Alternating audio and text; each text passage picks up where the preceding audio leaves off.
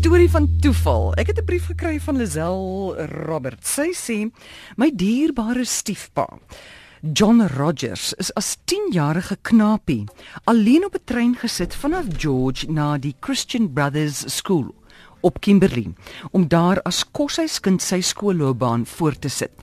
Nou met vaar instruksies by watter stasie om af te klim is hy toe fort. Ek kan myself net indink hoe angswekkend die ondervinding vir hom moes gewees het.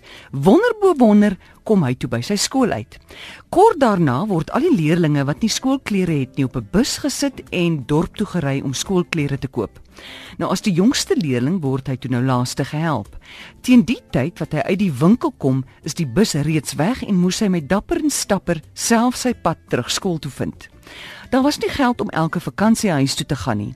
Die broeders van die skool het gereël dat die leerdlinge wat agtergebly het langs die modderrivier gaan kamp. Etenstye is by die Kimberley Hotel genuttig.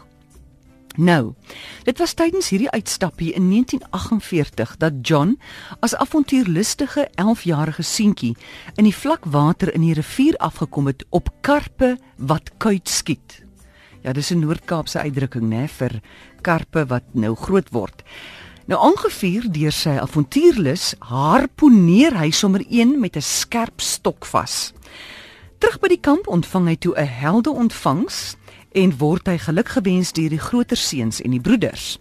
'n Foto met 'n trotse John in die middel word geneem en die vis word hotel toe gestuur en daai aand eet almal viskoekies. Jy kan nou nie dink hoe goed hy gevoel het hierdie klein knapie wat nou vir die spoggerige Kimberley Hotel aandete voorsien.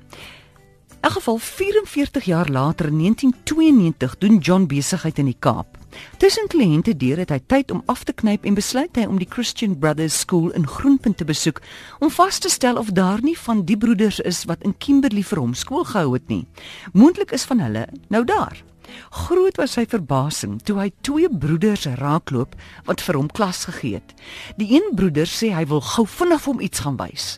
John stap saam met hom en hy neem hom na sy beskeie kamertjie toe waar hy sy Bybel wat op die bedkassie lê optel en oopmaak.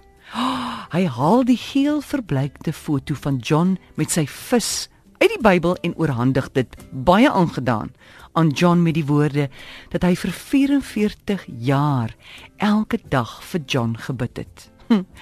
Noodloos om te sê, John het 'n ryklik geseënde lewe gehad en hy was selfs die burgemeester van George.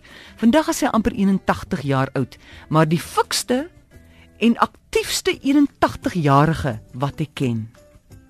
Blote toeval? Definitief nie. Vriendelike groete, Lisel Roberts.